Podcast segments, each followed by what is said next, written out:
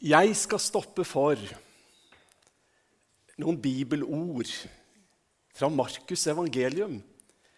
Det kommer noen, det står ikke så mye hvem det er, men det kommer noen til Jesus.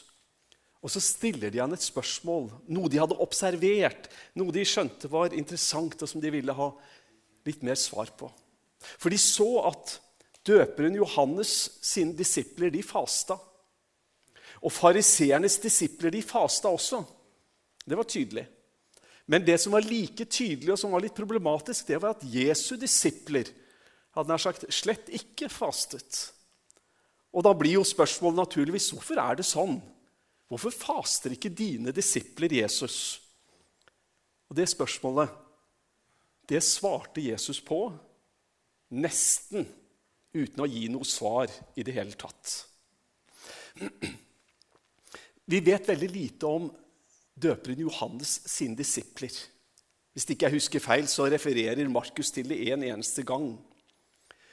Vi vet mye om fariseerne og fariseernes disipler. Bibelen forteller oss mye om de. Fariseerne var jo en gruppe, sannsynligvis den største og mest innflytelsesrike gruppa innenfor jødedommen. Hadde vært aktive siden vakaber-tiden, altså et par hundre år før Jesus og fram til da påvirka mye, var der som på en måte De sto der som en bom imot eh, helenistisk eller gresk og romersk påvirkning av jødedommen. Mens noen var mer liberale og, liberal og ville tilpasse seg til strømningene, så står fariseerne der og markerer to viktige prinsipper. For det første så markerer de en veldig lydighet, lojalitet og tro på loven, Mosebøkene. Og så sidestiller de nesten den rabbinske undervisning og den muntlige tradisjonen med selve loven. Og på disse to pilarene liksom bygger de sin tro, som skal stå der sett fra deres synspunkt, til alle tider. Og de var kjent for faste. Du vet, Bibelen den lærer oss noe om faste i Det gamle testamentet. Vi ser at På den store forsoningsdagen så skulle man faste. Eller så ser vi at det hadde utvikla seg en tradisjon, ikke bare i tiden for fariseerne, men mye lenger enn det. En tradisjon som viste at jødene fasta gjerne ved tre forskjellige anledninger. De kunne faste ved spesielle krisesituasjoner, som f.eks. For i forbindelse med ødeleggelsen av tempet, sånne nasjonale hendelser. De kunne faste i andre krisesituasjoner, som krig, hungersnød, pest og den type ting. Så ble de kalt inn til faste. Og så var det en tredje ting. De fasta i forbindelse med personlige utfordringer. Bare tenk på David. Han går inn i faste når sønnen er syk, for å be om at Gud skulle gripe inn. og Vi har mange sånne eksempler. Og Fariseerne hadde systematisert dette slik at de fasta hver mandag og hver torsdag. Det var fastedager. Og eh, Det var eh, rutine, og det visste alle, og det vistes tydelig. Det var litt stas at folk så det. Og Så kommer da denne gruppa som hadde iakttatt dette, og spurt Jesus hvorfor Hvorfor praktiserer ikke dine disipler dette? Og så sier ikke Jesus mye om det å faste. Men han sier litt om motivasjon, og han sier litt om viktigheten. Og så sprenger han fullstendig på mange måter grensa for hvordan de oppfatta hele dette. Ehm, Jesus sa ikke noe imot praksisen om å faste. Det gjorde han ikke. Men han kommer og sier hvorfor hans fokus er på noe annet. Og det er helt grensesprengende for eh, tilhørerne å høre. For det er gode grunner til å faste. Altså Man kan faste fordi at man vil spesielt innvie seg til Gud, og det er en flott ting.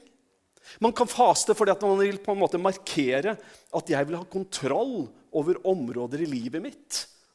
Jeg skal ikke la behovet av eh, god mat og alt det alltid være det første jeg tenker på. Jeg vil ha en annen prioritering. Man kan faste altså for å ta selvkontroll.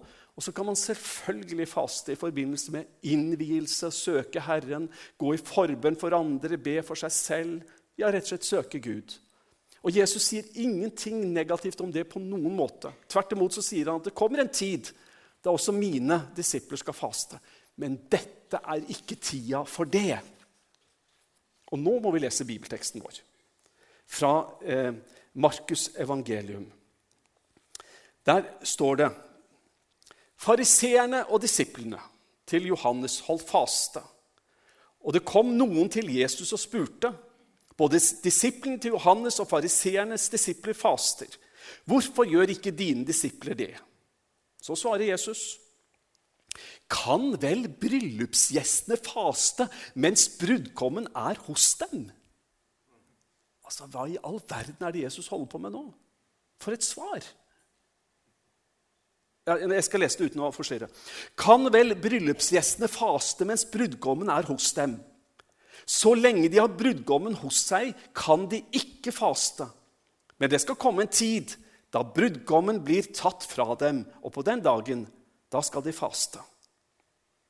Altså som en motpol til fariseernes tankegang, og der faste blir satt inn i liksom spesielle krisesituasjoner, krig, pest, alt mulig greier som man har som motivasjon for å faste, som en motpol til dette sorgfullte og tunge, så drar Jesus fram et bilde om fest og glede. Ja, bryllupsfest. Han drar denne fortellingen. Og en bryllupsfest den skulle jo vare gjerne syv dager. I hvert fall hvis det var første gangen bruden gifta seg. Hvis det var en enke og gifta seg på nytt, så var det tre dager som var kutymen. Så det var litt forskjell på det, da. Men, men bryllupsfest, det var fest. Det var glede. Det var begeistring. Eh, jeg har et sitat her fra en som heter James Edwards. I sin kommentar på Markusevangelium skriver han selv rabbinere sammen med sine disipler var forventet å delta i festlighetene uten å følge noen av de restriksjoner som de ellers fulgte. Altså, Da var det ikke snakk om faste når det var bryllupsfest. Og selv i vår kultur så ville det jo være litt spesielt å invitere til bryllupsfest og så si og i kveld skal vi faste. Altså, Noe av bryllupsfesten det er jo at vi skal spise sammen, vi skal feire, vi skal ha, ja, vi skal ha fest. Og Det er det som er bildet som Jesus lager som en motpol. Fariseernes verden det var i denne, denne sammenheng liksom, Vi skal faste, vi skal kjempe, vi skal slite, vi skal komme igjennom, vi skal, vi skal stå på. Og så kommer Jesus og sier men det går jo ikke an å faste nå når det er fest. Det er noe av det han sier. Men, men, det er mer enn det. For dette blir så veldig problematisk for de som hørte på. Husk på, bare noen vers tidligere så man, leste man historien om hvordan Jesus helbreder en, en lam. Og Jesus sier, 'Din synd er tilgitt'. Og fariseerne raser. Ingen kan tilgi synd uten Gud, sier fariseerne. Og det har de jo helt rett i. Og nå kommer Jesus og på en måte spiller på de samme strengene. Han drar bildet til bryllupsfest, og ingen plass i Det gamle testamentet så ser vi liksom at Messias presenteres som brudgom. Men igjen og igjen i Det gamle testamentet så ser vi allegorien, altså eh, eh, parallellene mellom Gud og sitt folk. Da blir parallellene mellom bryllup og Guds kjærlighet og sammenlignende mellom, mellom Gud og menneske, da blir den nokså tydelig. Og det Jesus gjør i denne sammenhengen, han sprenger deres oppfatning av hva av hva Messias skal være. Så det er ikke bare en Messias-proklamasjon. Det Jesus gjør, er å komme med en proklamasjon av sitt unike forhold til Gud.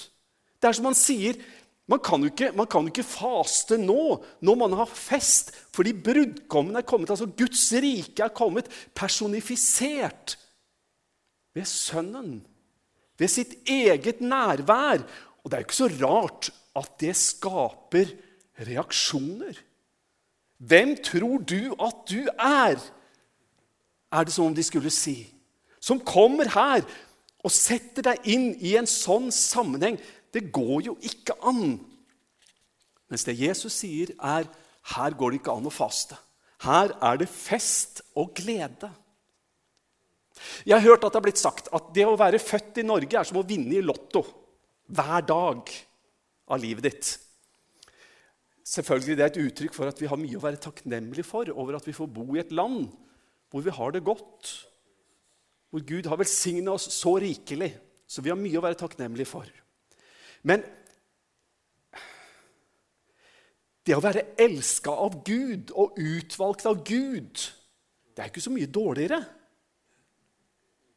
Altså, Bildet er Hadde vi vunnet hver dag i Lotto liksom, og følt den følelsen Vi hadde vel blitt lei av det, kanskje. Men, men altså, da ville vi Wow, så heldig! Og så sier Jesus dere har grunn til å juble og glede dere. Tenk på bibelverset om så er det da ingen fordømmelse for dem som er i Kristus Jesus. Tenk på, tenk på alle de gode ordene om Guds trofasthet og kjærlighet og tilgivende nåde, tålmodighet med oss, om hvordan han gir seg selv, om den eh, gode hyrde som søker til han finner, løfter opp og bærer. Altså, Vi kunne holdt på i det uendelige og minnet hverandre om alt hva Gud sier til oss gjennom sitt ord, som bør fylle oss med glede, takknemlighet og begeistring. Og i den sammenheng når Jesus var der, så sier han det er jo gleden som må bryte frem. Det er jo jubelen, for Guds rike er her. Sønnen er her. Jesus sa det i Johannes 14.: La ikke hjertet bli grepet av angst. Og det, Da tror jeg han sier noe om at vi kan styre litt av hva vi føler. Hva har vi fokus på? Hva er det vi ønsker å formidle, hva er det vi ønsker å ta imot? Hva er det som vi vil skal prege oss? Og det å la seg prege av gleden i Gud, som skal være vår styrke Det at vi skal ha denne gleden i oss om at ja, han har frelst oss. Det er viktig at vi lar få en plass i vår oppmerksomhet. Jeg snakker ikke om at vi går rundt med et smil rundt munnen all tid. Vi vet jo at det ikke er sånn. Jeg snakker ikke om at ikke vi ikke har lov til å verken sørge eller være nedfor eller når, når, vonde ting rammer oss selv eller noen av de vi er glad i. Det jeg snakker om, og det Jesus taler om, tror jeg, det er at det er en kilde som skal fylle oss med glede og begeistring, som vi må slippe til, og som vi må åpne oss opp for, og som vi må fokusere på. Og den sannheten må vi la fylle oss. Jeg har et nydelig bibelvers for deg. Det skaper altså så gode assosiasjoner for meg. I Nehemias 8 så står det, eh, så står det dette. Dere skal ikke sørge og ikke gråte. Gå og spis fete retter og drikk søt vin, og send mat som gaver til dem som ikke har noe. For denne dagen er hellig for vår Gud. Vær ikke bedrøvet, for gleden i Herren er deres styrke. Det er jo altså, fete retter. Jeg kan ikke noe for det, men jeg gleder meg til jul. Og, og, og, jeg ser den juleribba og, og medisterkakene og medisterpølsa som svømmer oppi rikelig med ribbefett. Nå vet jeg at ikke alle liker det, da, men jeg gjør det. Jeg spiser det et par-tre ganger i året i juletider og syns det er fantastisk. Og, her står det i Bibelen Gå og spis fete retter. Og så står det Og drikk søt vin. Akkurat det bibelverset har jeg bestemt meg for å ikke bry meg noe om. Så hvis dere er altfor rettlærde, så får dere bære over med meg. Og så får du følge Guds ord som du vil. Men jeg har bare et prinsipp i den sammenhengen, så jeg overser det. Men, men i hvert fall noe av det som det formidler, har jeg bestemt meg for å følge. Og det at her tror jeg Bibelen taler om glede. Om begeistring. Og jeg tror han taler om fest. Fest. Ja, som en bryllupsfest. Der man gleder seg, og man har noe som ligger i bånden. Som fyller oss med glede og begeistring. Og så står det at vi skal sende gaver med mat til de som ikke har noe. For vi skal ikke tenke på bare oss selv i denne festen. Vi skal dele det med dem som vil. Dem som ikke har, de skal være med de også. Altså, du, dette er jo bakgrunnen som, som, folk er vel kjent med når Jesus taler om at bryllupsfesten er her. Det er nå det er glede og jubel. Men når du leser denne teksten i Markus evangelium 2, så leser du jo om at Jesus etter å ha sagt dette, så kommer han med to lignelser. Han begynner å fortelle to lignelser. Og de to lignelsene det er om ting som ikke har så veldig mye greie på. Og få her har noe særlig greie på det. Det står Ingen syr en lapp av ukrympet tøy på, gammelt, på, et gammelt klesplagg. For da vil denne nye lappen rive med seg et stykke av det gamle plagget, og riften blir verre. Ingen fyller ny vin i gamle skinnsekker, for da vil vinen sprenge sekken, og både vin og sekken blir ødelagt. Nei, ny vin i nye skinnsekker. Det fullførte Jesus fortellingen med om hvorfor ikke hans disipler fastet. Og som sagt, Jeg har ikke så mye greie på det, men jeg tror jeg likevel skjønner hva Jesus sier. Og Bildet er jo såpass enkelt at hvis et klesplagg har fått en rift, og det har blitt vaska mange ganger, og i hvert fall med datidens eh, klær, så hadde det krympa. Hvis du da setter en lapp på den av ukrympa, og når det krymper, så rives det i stykker, og, og riften blir større. Og Vinsekkene de hadde blitt brukt én gang, og vinen hadde gjæra, og sekken hadde tålt belastningen og utvida seg. Og Hvis man så hender ny vin oppi den gamle sekken, og gjæringsprosessen starter, og kreftene begynner å utvide seg, så går vinsekken i stykker, sier Jesus. Og da går jo alt til spille. Det Jesus sier, det er at nå er det noe helt nytt som ikke lar seg favne av det gamle. Nå er det noe helt nytt. Og han sier ikke at det gamle er dårlig. Han sier ikke det. Han sier bare at nå er det noe som har en kraft i seg som det gamle ikke kan ta imot, og som ikke kan bli en del av. Det gamle har gjort sin jobb fram til nå. Nå er det noe helt nytt. Derfor faster ikke disiplene mine, sier Jesus. For nå er det en ny tid. Det er ikke strev og slit. Og ikke det at man skal Ja, misforstå meg rett. Det at man, man skal ikke be det igjennom og kjempe og slite og streve. Nå får du lov til å ta imot et fullbrakt frelsesverk. Det var sagt så tydelig i Det gamle testamentet.